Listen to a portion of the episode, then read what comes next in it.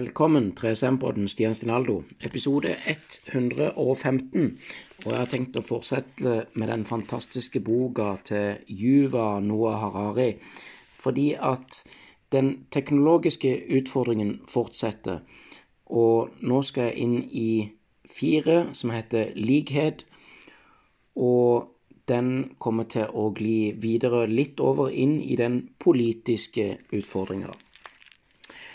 Den teknologiske utfordringa er jo, som jeg har sagt tidligere, menneskeenheten er i ferd med å miste troen på den liberale historien som har dominert global politikk de siste ti årene nøyaktig samtidig som sammensmeltning mellom bioteknologi og informasjonsteknologi konfronterer oss med de største utfordringene menneskenheten noensinne har stått ovenfor. Likhet. De som eier dataene, eier fremtida. De siste ti årene har folk over hele verden blitt fortalt at menneskenheten nærmer seg likhet, og at globalisering og ny teknologi vil hjelpe oss med å nå målet raskere. Sannheten er at det 21. århundre kan skape det mest ulike samfunnene i historien. Selv om globalisering og internett bygger bro mellom land, så truer det òg med å gjøre kløfta dypere mellom klassene. Og akkurat idet menneskenheten ser ut til å nå målet om global forening, så kan menneskearten dele seg i ulike biologiske kaster. Ulikhet strekker seg tilbake til steinalderen. For 30 000 år siden så begravde flokker jegere og sankere noen medlemmer i storslåtte graver fulle av flere tusen elfenbensperler, armbånd og edelstein og kunstgjenstander, mens andre medlemmer måtte nøye seg med et enkelt hull i bakken. Likevel var de gamle jegerne og sankerne mer egalitære egalitære enn noen senere menneskelig samfunn, fordi de eide veldig lite. Eiendom er en forutsetning for langvarig ulikhet. I kjølvannet av jordbruksrevolusjonen økte eiendommenes voldsomhet, og med den økte òg ulikheten. Etter hvert som mennesket bemerket bemektiget seg jordeiendommer, dyr, planter, redskaper, så vokste det frem rigide, hierarkiriske samfunn, der små elite monopoliserte mesteparten av rikdommen og makten i generasjoner etter generasjoner. Menneskene begynner å akseptere denne ordningen og se på det som en naturlig og til og med en guddommelig forordning. Hierarki var ikke bare normen, men også idealet. Hvordan kan ordet hvordan kan det råde orden uten et klart hierarki mellom aristokrater og ikke-adelige, mellom menn og kvinner, eller mellom foreldre og barn? Prester, filosofer, poeter over hele verden forklarte tålmodig at de på samme måte som i menneskekroppen ikke alle deler like. Føttene må lystre hodet, derfor vil likhet forårsake rent kaos også i samfunnet. Husk å drikke vann, må drikke litt vann. Blir tørst, vet du. I mer moderne tid har derimot likhet blitt et ideal i nesten alle menneskesamfunn. Det skyldes delvis fremveksten av nye ideologier i kommunismen og liberalismen. Det skyldes òg den industrielle revolusjonen, som gjorde det brede lag viktigere enn noen gang før. Industrielle økonomier var avhengig av store mengder vanlige arbeidere, mens industrialiserte hærer var avhengig av store mengder vanlige soldater. Myndighetene i både demokratiet og diktaturet investerte tungt i helse, utdanning og velferd for folk flest fordi de trengte mange millioner friske arbeidere til å betjene produksjonslinjene og millioner av lojale soldater til å kjempe i skyttergravene. På 1900-tallet dreide følgelig mesteparten av historien seg i stor grad om å redusere ulikheten mellom klasse, rase og kjønn, Selv om verden fremdeles hadde en god del hierarkier i år 2000, var det likevel langt større likhet i verden enn da det var i 1900. I de første årene av det 21. århundre forventa folk at prosessen med å skape større likhet skulle fortsette og til og med akselerere. De håpa særlig på at globaliseringa skulle spre økonomisk velstand i verden, og at det ville føre til at folk i India og Egypt ville få nyte godt av de samme mulighetene og privilegiene som folk i Finland og Canada hadde. En hel generasjon har vokst opp med dette løftet. Nå ser vi at dette løftet kanskje ikke vil bli innfridd.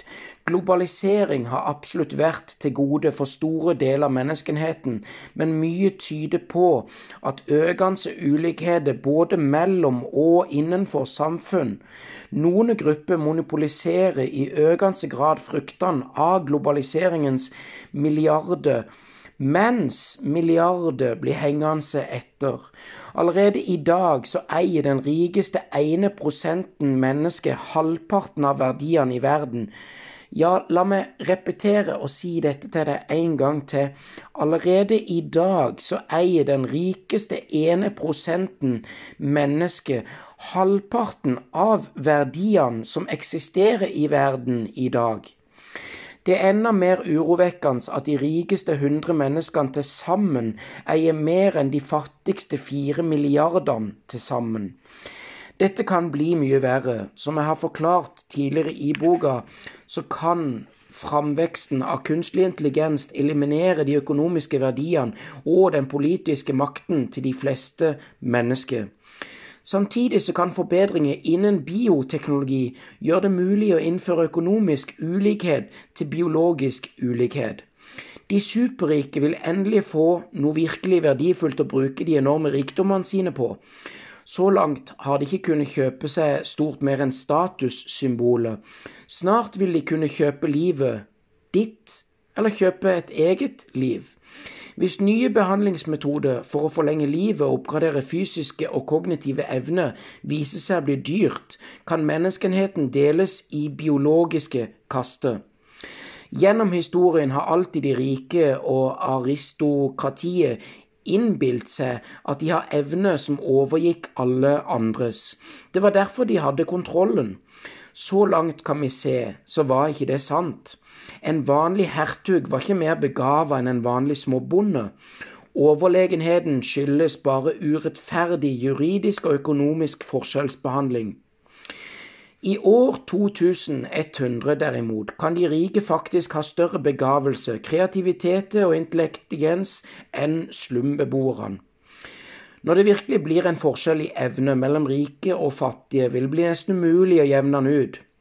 Hvis de rike bruker de overlegne evnene sine til å berike seg ytterligere, og hvis mer penger kan kjøpe dem enda bedre kropp og hjerne, vil forskjellen bli enda større med tiden. I år 2100 kan den rikeste ene prosenten eie ikke bare mesteparten av verdiene i verden, men også mesteparten av verdens skjønnhet, kreativitet og helse. Må drikke litt eh, kaffe. Det er godt å drikke.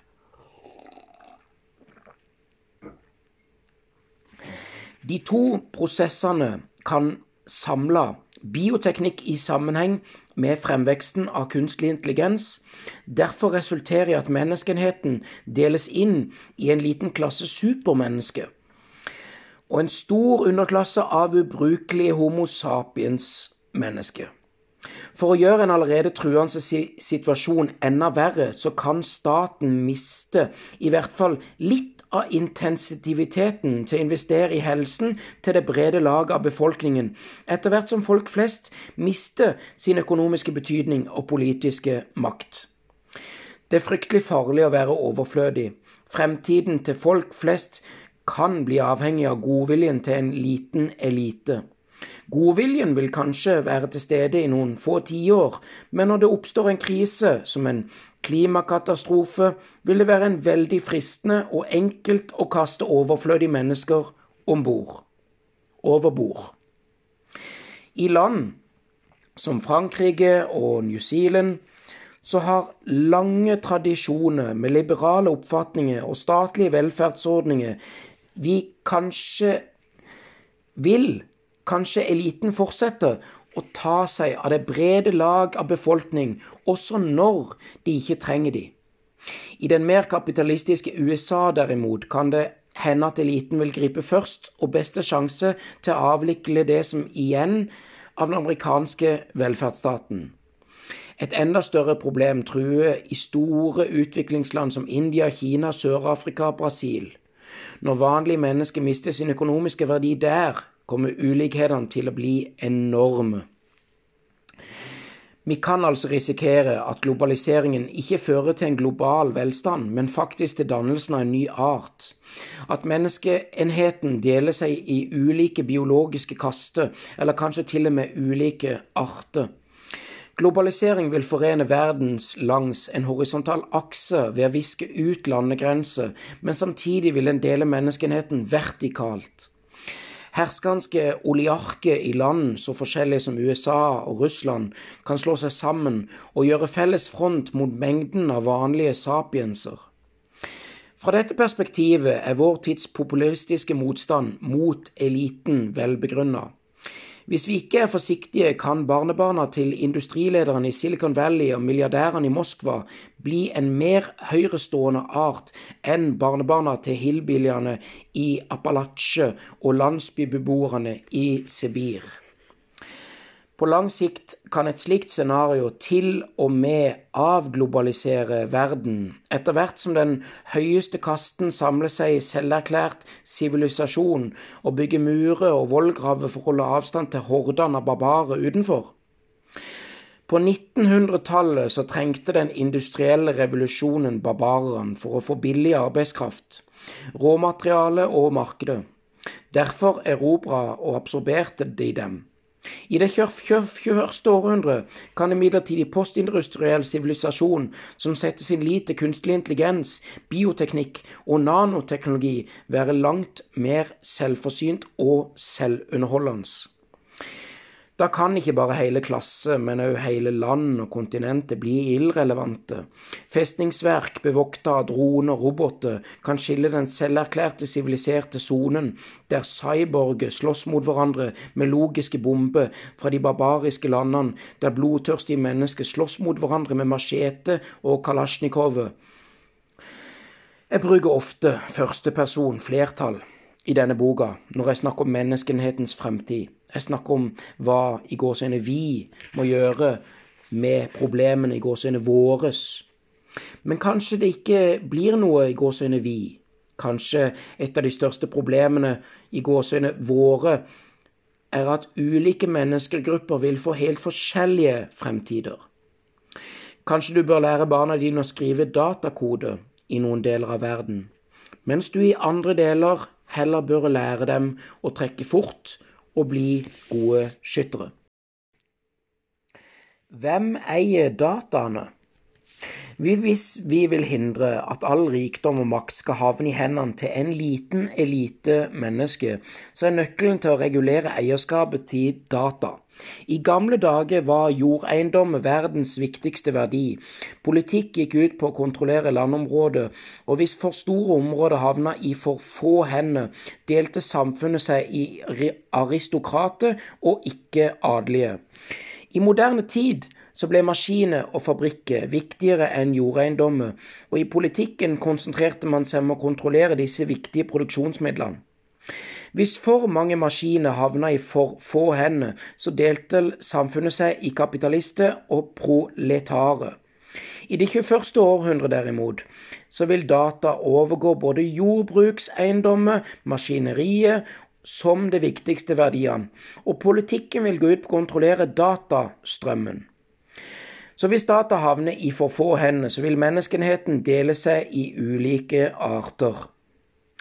Kappløpet om å få klørne i dataen er allerede i gang, og ledes av datagiganter som Google, Facebook, Baidu, Tencent, så langt de ser ut til at mange av disse gigantene har tatt i bruk forretningsmodellen oppmerksomhet De fanger oppmerksomheten vår med å tilby oss i gåseøyne gratis informasjon, tjeneste og underholdning. Og etterpå så selger de oppmerksomheten vår videre til annonsører. Med stordatagigantene så sikter antagelig mye høyere enn noen tidligere oppmerksomhetsgrossist. De egentlige forretningene går ut på å selge reklame. Nei, når de fanger oppmerksomheten vår, så klarer de å innhente enorme mengder data om oss, og det er mer verdt enn all verdens reklameinntekter. Vi er ikke kundene deres, vi er produktet. La meg si det en gang til. Vi er ikke kundene deres, vi er produktet. I mellomtiden så åpner denne datahamstringen veien for en helt annen forretningsmodell. Denne største offeret vil bli re reklamebransjen selv. Den nye modellen basert på å overføre autoritet fra menneske til algoritme, også autoriteten til å velge å kjøpe ting. Når algoritmen begynner å velge å kjøpe ting for oss, kommer den tradisjonelle reklamebransjen til å gå duken. Bare tenk på Google.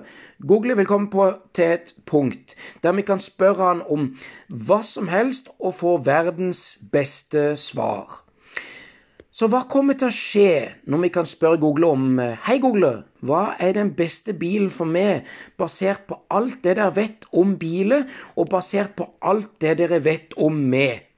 Inkludert behovene mine, vanene mine, synet jeg har på global oppvarming og til og med synet jeg har på politikken i Midtøsten. Hvis Google kan gi et godt svar på det, om vi lærer av erfaring og store på Google, så visdommen fremfor vår egne følelse som det er enkelt å manipulere, hva vil da være poenget med bilreklame? På lengre sikt så kan datagigantene med å samle nok data og nok datakraft hacke livets dypeste hemmeligheter og deretter bruke denne kunnskapen ikke bare til å ta valg for oss og manipulere oss, men også rekonstruere organiske liv og skape ikke-organiske livsformer. På kort sikt så kan det bli nødvendig å selge reklame for å holde gigantene i live, men de evaluerer ofte apper, produkter og selskapet ut fra data de samler inn, og ikke etter pengene de genererer. En populær app kan mangle en forretningsmodell og til og med tape penger på kort sikt, men så lenge den suger til seg data, kan den være verdt mange milliarder dollar. Selv om ikke du vet hvordan du skal tjene penger på dataene i dag, så er det verdt å ha de for de kan være nøkkelen til å kontrollere og formere livet i fremtida. Jeg kan ikke være sikker på at datagigantene impleksitt eksplisitt tenker slikt på det, men handlingene deres indikerer at de setter datasamling høyere enn den rene verdien i dollar og cent. Vanlige mennesker vil finne det veldig, veldig vanskelig å motsette seg denne prosessen, Akkurat nå så gir folk gladelig fra seg de mest verdifulle de har, personlige data, i bytte mot gratis e-posttjeneste, morsomme kattevideoer osv. Det er omtrent som da afrikanske stammer og urinvånerne i Amerika utfordrende solgte hele land til europeiske imperialister i bytte mot fargerike glassperler og billige pyntegjenstander. Hvis folk senere vil prøve å blokkere datastrømmen, så vil de oppdage at de vil bli stadig vanskeligere og vanskeligere. Særlig etter hvert som de har begynt å stole på at nettverket skal ta avgjørelser for dem, også helsetjeneste og fysisk overlevelse. Menneske og maskiner kan smelte så fullstendig sammen at mennesket ikke vil være i stand til å overleve hvis de blir kobla fra nettverket. Ja, du hørte hva jeg sa, jeg kan si det en gang til.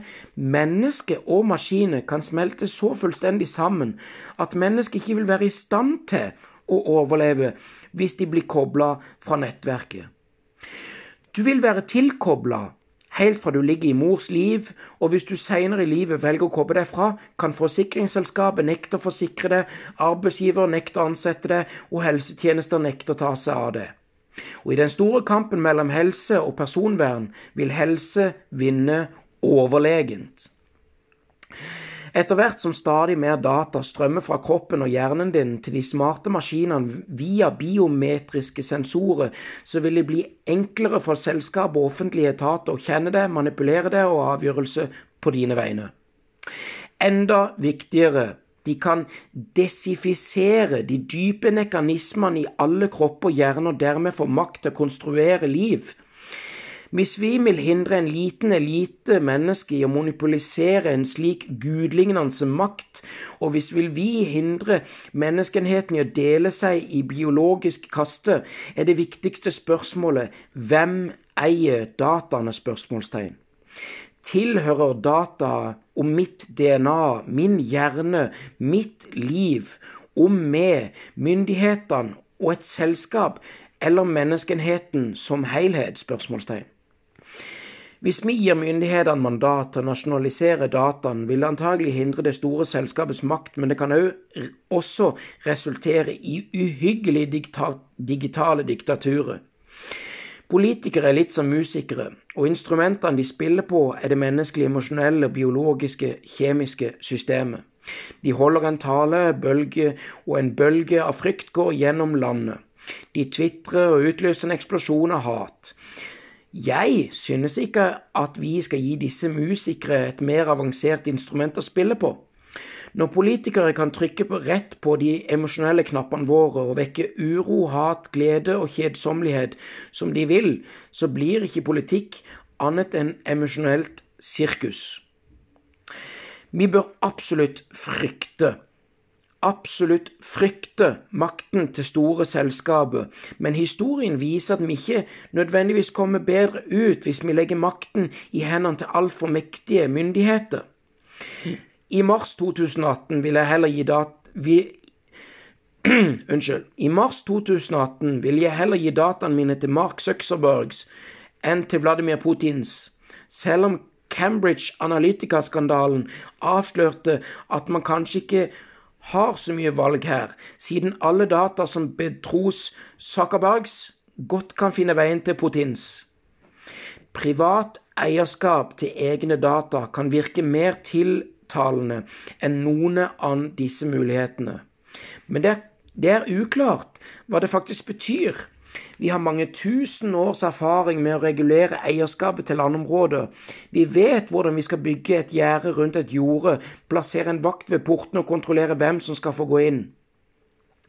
I løpet av de siste 200 årene har vi blitt ekstremt avanserte i hvordan vi regulerer eierskapet til industri. Jeg må drikke noe vann.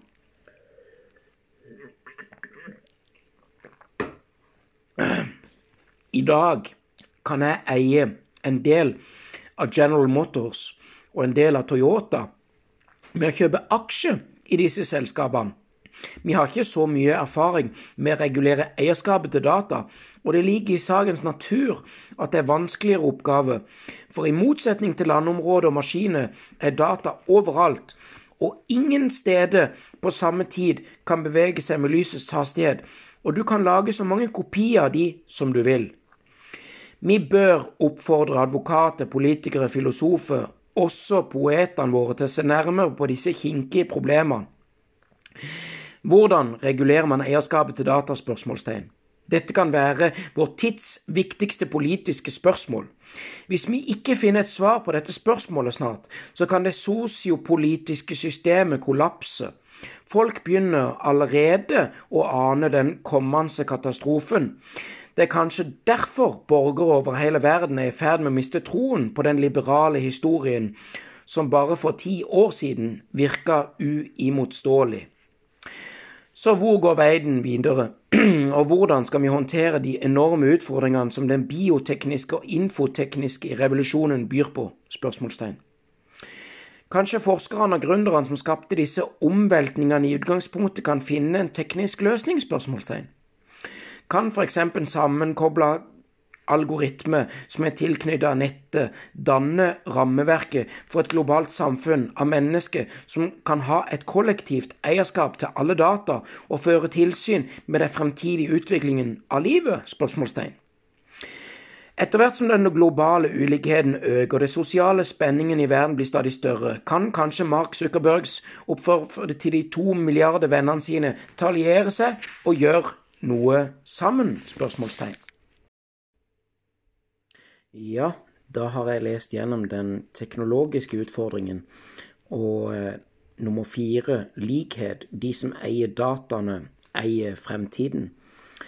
Jeg er ferdig med del én, den teknologiske utfordringen, som byr på skuffelse, arbeid og frihet. Skuffelse, historiens undergang er utsatt. Arbeid, det er ikke sikkert du har jobb når du blir voksen. Frihet, stordata ser det, og som i dag likhet, de som eier dataene, eier fremtiden. Nå skal jeg begynne litt forsiktig på del to, den politiske utfordringen. For jeg er relativt overbevist om at det er her vi befinner oss i dag, og starter med å lese litt videre der. Sammensmeltningen av informasjonsteknologi og bioteknologi truer de moderne kjerneverdiene frihet og likhet. En løsning på den teknologiske utfordringen må innebære globalt samarbeid. Men nasjonalisme, religion og kultur deler menneskenheten i fiendtlige leirer og gjør det fryktelig vanskelig å samarbeide på et globalt nivå. Fem. Samfunn. Mennesket har kropp. California er vant til jordskjelv, men de politiske rystelsene under det amerikanske presidentvalget i 2016 kom likevel som et voldsomt sjokk på Silicon Valley. Datamagikerne innså at de kunne være en del av problemet, og reagerte med å gjøre det ingeniører gjør best. De lette etter tekniske løsninger. Reaksjonen var aller sterkest i Facebooks, hovedkvartert i Menlo Park. Det er forståelig, siden Facebooks hovedagenda er sosial nettverksbygging, er de mest opptatt av sosial forstyrrelse. Etter tre måneder med sjelegransking offentliggjorde Mark Zuckerbergs en dristig manifest om behovet for å bygge opp et globalt samfunn og om at Facebooks rolle i dette prosjektet i en oppfølgingstale under åpningen av Facebooks Communist Summit 22.6.2017 forklarte Zuckerbergs at de sosiopolitiske omveltningene i vår tid, fra omfattende stoffavhengighet til brutale totalitære regimer, i stor grad er et resultat av oppløsningen av fellesskap mellom mennesker. Han beklagde at i gåsøyn medlemskap i alle slags grupper har sunket med en fjerdedel i de siste ti årene. Det betyr at mange mennesker nå trenger å finne mening og støtte andre steder. Parentes slutt. Han lova at eh, skulle føre an i arbeidet med å gjenoppbygge disse fellesskapene, og at ingen ingeniørene hans skulle ta opp tråden sogneprestene hadde sluppet. Parentes. Vi må begynne å finne verktøy som gjør det enklere å bygge fellesskap. Parentes slutt. Han fortsetter som følger, og jeg siterer. Vi startet et prosjekt for å se om vi kunne bli bedre til å foreslå grupper som kan bety noe for deg. For å få det til begynte vi å bygge opp kunstig intelligens, og det fungerer. De første seks måneder har vi hjulpet 50% flere mennesker med å gå inn i meningsfylte fellesskap. Sitat slutt. Det endelige målet hans er sitat, å hjelpe en milliard mennesker med å gå inn i meningsfylte fellesskap. Slutt. Hvis vi klarer det, vil det ikke bare snu de siste tiårenes nedgang i samfunnsfellesskap, men det vil også begynne å styrke våre sosiale strukturer og føre verden nærmere hverandre. Dette er ikke så viktig mål at Zuckerberg Zuckerbergs sverga å endre hele forbeholdet med Facebooks eh, for å gjøre dette. Zuckerbergs gjør et helt rett i å beklage oppløsningen av menneskelige fellesskap. Flere måneder etter at Zuckerberg ga dette løftet, akkurat idet denne boken skulle gå i trykken, avslørte Cambridge Analytica-skandalen imidlertid at dataene som ble betrodd Facebooks, ble sanka inn av tredjeparter og ble brukt til å manipulere valg rundt omkring i verden. Dette latterliggjorde Zuckerbergs høystemte løfte og ødela folks tillit til Facebook. Man kan òg håpe at Facebooks før de går i gang med å bygge opp nye menneskesamfunn, forplikter seg til å beskytte eksisterende samfunns privatliv og personvern. Ikke desto mindre er det verdt å se grundigere på Facebooks visjonære for fellesskapet og undersøke om sosiale nettverk på internett kan bidra til å bygge opp et globalt menneskesamfunn når sikkerheten er styrka. Selv om mennesket kan bli oppgradert til gude i det 21. århundre, er vi fremdeles steinalderdyr i 2018. Vi trenger fortsatt en trygg forankring i intime fellesskap for å trives. I mange millioner år har mennesket vært tilpassa å leve i små flokker som ikke overstiger mer enn noen titalls personer. Selv i dag finner de fleste av oss det umulig å kjenne mer enn 150 personer godt. Uavhengig av hvor eh, mange Facebook-venner vi kan skryte av å ha, uten disse gruppene føles mennesket seg ensomme og fremmedgjort. Dessverre så har intime fellesskap faktisk gått i oppløsning i de siste 200 årene. Forsøket på å erstatte små grupper av mennesker som faktisk kjenner hverandre, med innbilte fellesskaper nasjoner og politiske partier, kunne aldri lykkes helt. Dine mange millioner brødre i det nasjonale familien og dine mange millioner kamerater i, i kommunistpartiet kan ikke gi deg den varme intimiteten som et eneste ekte søsken eller en god venn kan gi deg. Derfor lever folk stadig mer ensommere liv på en klode som blir stadig tettere knytta sammen. Mange av våre tids sosiale og politiske omveltning kan spores tilbake til dette vage ubehaget. Zuckerbergs visjon om å gi mennesker kontakt med hverandre igjen er derfor betimmelig. Men ord er billigere enn handling, og hvis Facebooken skulle klare å sette inn denne visjonen ut i livet, kan de bli nødt til å endre hele forretningsmodellen. Du kan ikke akkurat bygge opp et globalt samfunn når du tjener penger på å fange folks oppmerksomhet og selge de til annonsører. Zuckerbergsen vilje til i det hele tatt å formulere en slik visjon fortjener likevel ros. De fleste selskaper mener at de bør konsentrere seg om å tjene penger, og at offentlige myndigheter bør gjøre så lite som mulig, og at menneskenheten bør stole på markedskreftene, så vil de ta de virkelig viktige avgjørelsene på våre vegne. Hvis Facebooken faktisk ville påta seg den ideologiske forpliktelsen, det å bygge opp fellesskapet mellom mennesker, så bør ikke de som frykter Facebooks makt, skyve de inn i selskapskokongen, igjen med storebror-protester. Vi bør heller oppfordre andre selskaper, institusjoner og myndigheter til å svare Facebooken selv med å påta seg de ideologiske forpliktelser. Zuckerbergs visjon om å gi mennesker kontakt med hverandre igjen er derfor betimmelig. Men ord er billigere enn handling, og hvis eh, Facebooken skal klare å sette denne visjonen ut i livet, så kan de bli nødt til å endre hele forretningsmodellen. Du kan ikke akkurat bygge opp et globalt samfunn når du tjener penger på å fange folks oppmerksomhet og selge den til annonsører. Zuckerbergs vilje til i det hele tatt å formulere en slik visjon fortjener likevel ros. For de fleste selskaper mener at man konsentrerer seg om å tjene penger, og at offentlige myndigheter bør gjøre så lite som mulig, og at menneskenheten bør stole på markedskreftene. Vil ta de virkelig viktige avgjørelsene på våre vegne. Men hvis Facebook faktisk vil påse at den ideologiske forpliktelsen det bygger opp fellesskapet mellom mennesker, bør ikke de som frykter Facebooks makt, skyve dem inn i selskapskokongen, igjen med storebror-protester. Vi bør heller oppfordre andre selskaper, institusjoner og myndigheter til å svare Facebook med å selv å påta seg ideologiske forpliktelser.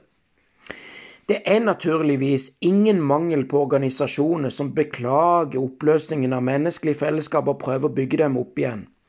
Alle, fra feministiske aktivister til islamske fundamentalister, arbeider med å bygge fellesskap, og vi skal se nærmere på noe av dette arbeidet i senere kapitler, som utgjør utspillet til Facebooks unikt, er det globale omfanget, støtten fra et stort selskap og den sterke troen på at teknologi Zuckerbergs virker overbevist om at Facebooks kunstig intelligens ikke bare kan klare å identifisere i gåseøyne meningsfølte fellesskap, men også gåseøyne styrke våre sosiale strukturer og føre verden tettere sammen. Det er langt mer ambisiøst enn å bruke kunstig intelligens til å kjøre en bil eller diagnotisere kreft. Facebooks fellesskapsvisjon er kanskje den første eksplisitte forsøket på å bruke kunstig intelligens til sentralt planlagt sosialt manipulering i global skala. Derfor er denne visjonen prinsipiell. Hvis den lykkes, vil vi sannsynligvis få se mange flere slike forsøk. Og algoritmer vil bli anerkjent som de nye herrene av menneskelige sosiale nettverk. Hvis denne mislykkes, vil det avdekke de nye teknologiens begrensninger. Algoritmer kan være gode til å manøvrere kjøretøy og helbrede sykdommer, men når det gjelder å løse sosiale problemer, bør vi fortsatt sette vår lit til politikere og prester. Online versus offline. De siste årene har Facebook hatt en forbløffende suksess og nå har hatt over to milliarder aktive brukere online. Hvis de skal klare å sette denne nye visjonen ut i livet, må de imidlertid bygge bro over kløften mellom online og offline. Et fellesskap kan begynne som en samling online, men hvis de virkelig skal blomstre, må det slå røtter i offline-verdenen. Kommer fellesskapet til å fordufte? Eller vil de omgruppere, slå tilbake hvis en diktator en dag skulle utestenge Facebooks fra landet sitt?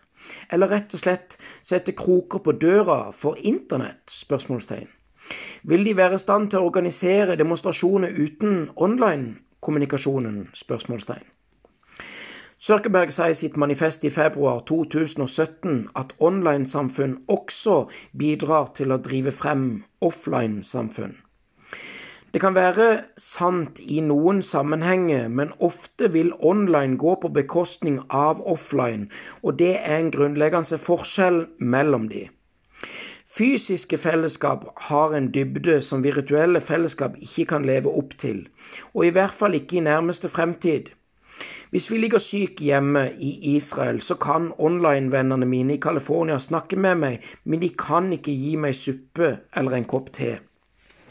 Mennesket har kropp, og i løpet av de siste hundre årene har teknologien skapt avstand mellom oss og vår egen kropp.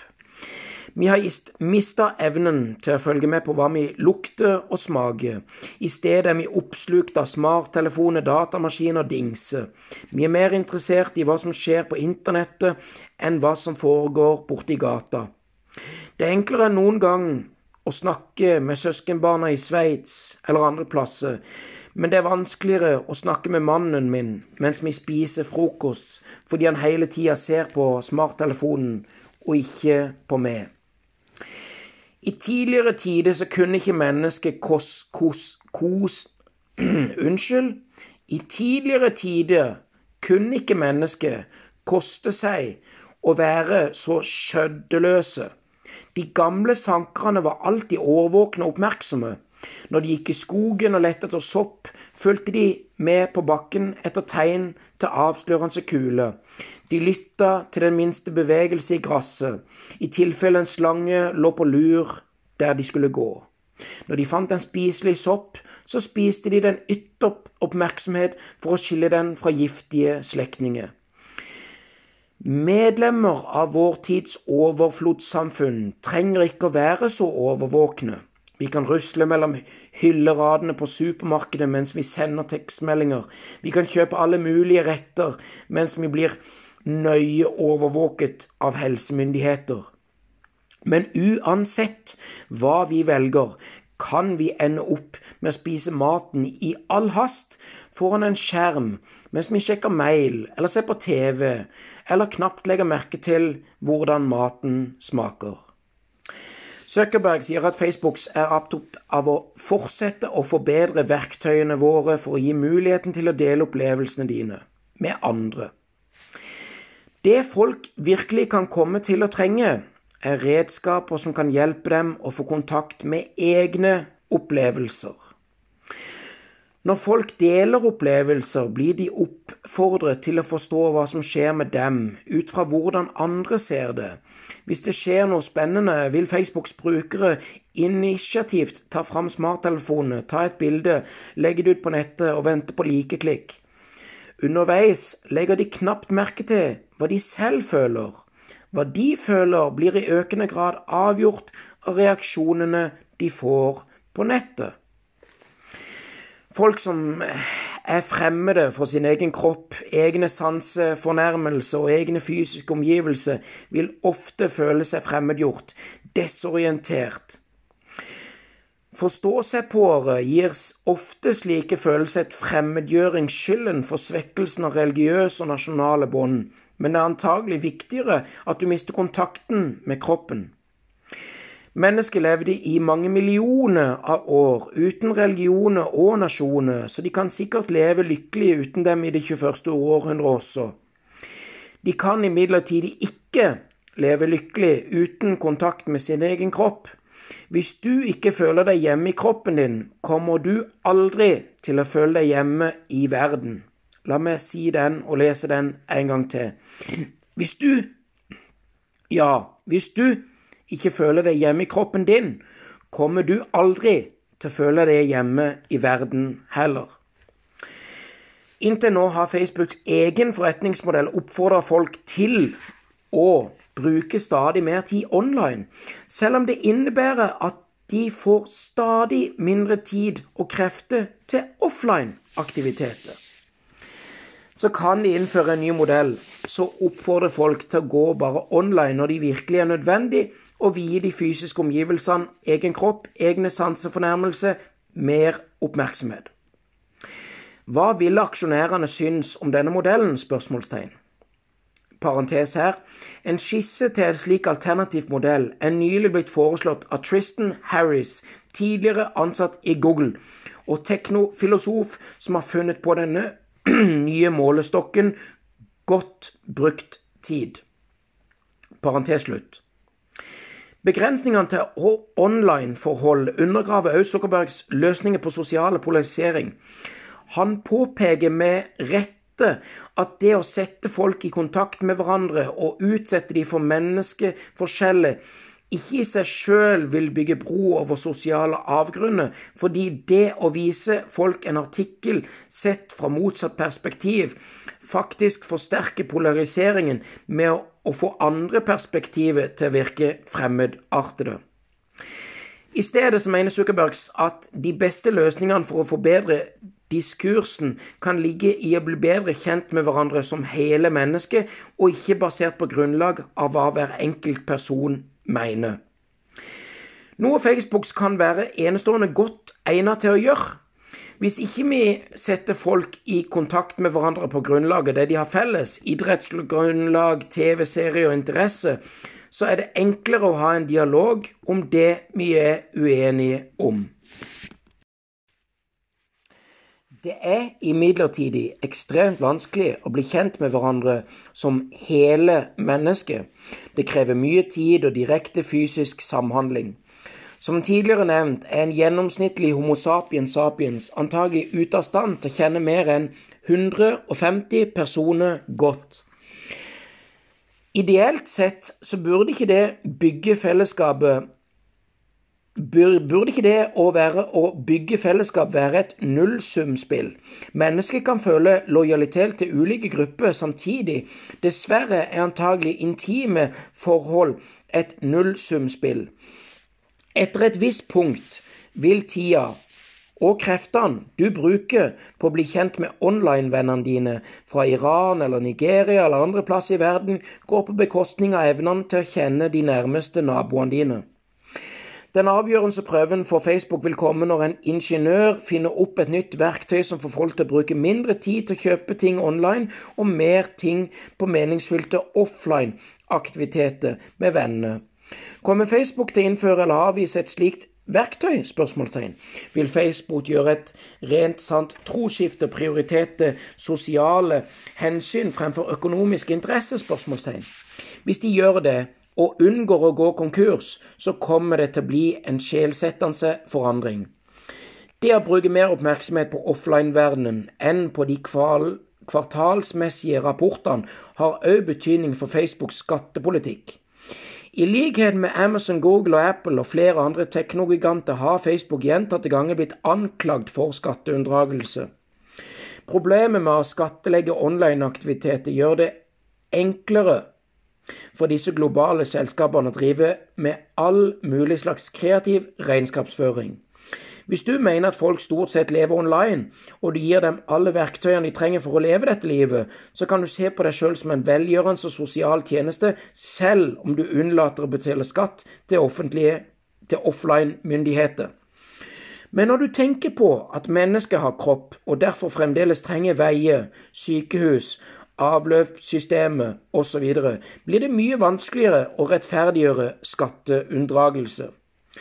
Hvordan kan du berømme samfunnsfordeling samtidig som du nekter å betale og støtte de viktige samfunnstjenestene økonomisk? spørsmålstegn. Vi kan bare håpe at Facebook kan endre forretningsmodellen, innføre en mer offline-vennlig skattepolitikk og bidra til å forene verden, samtidig som de forblir lønnsomme. Men vi bør nok ikke ha urealistiske forventninger til Facebooks evne til å gjennomføre den globale fellesskapsvisjonen.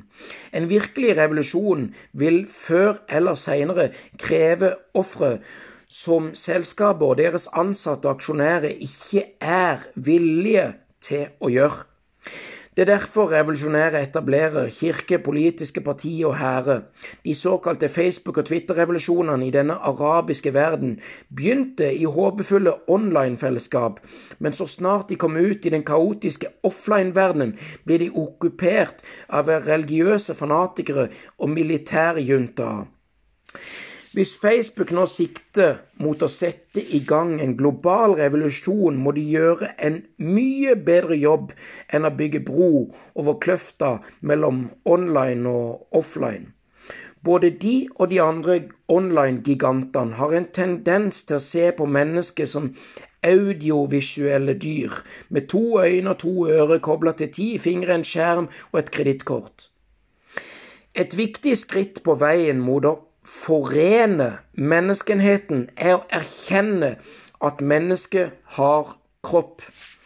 Også denne erkjennelsen har selvfølgelig en bakside, for når teknologigigantene innser begrensningene med online-algoritme, kan de bli anspora til å strekke seg enda lenger, og innretninger som Google Glass og spill som Pokémon Go er designa for å viske ut skillet mellom online og offline, og få de til å smelte sammen til en utvida virkelighet.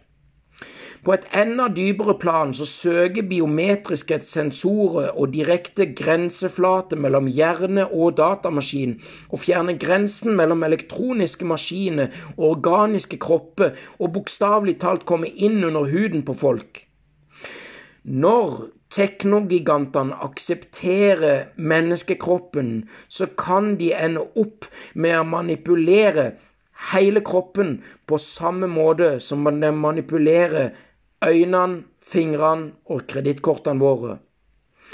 Vi kan komme til å savne gode, gamle dager da det var et klart skille mellom online og offline. Der slutter jeg for i dag. Tusen hjertelig takk for at du lytter til 3CM-podden.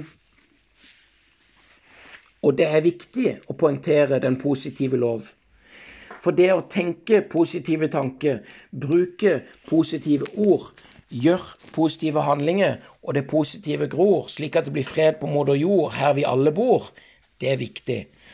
Så da vil jeg bare si tusen hjertelig takk for nå og for i dag. Og eh, smil, du har et liv. Smil, du bor på moder jord, her vi alle bor. Fred og kjærlighet, tipp topp, tommel opp, peace out. Folk kan hate så kan jeg elske. Jeg elsker det. Instagrammen min ssshow2020. Nettsida mi 3sm.no. Du er elska.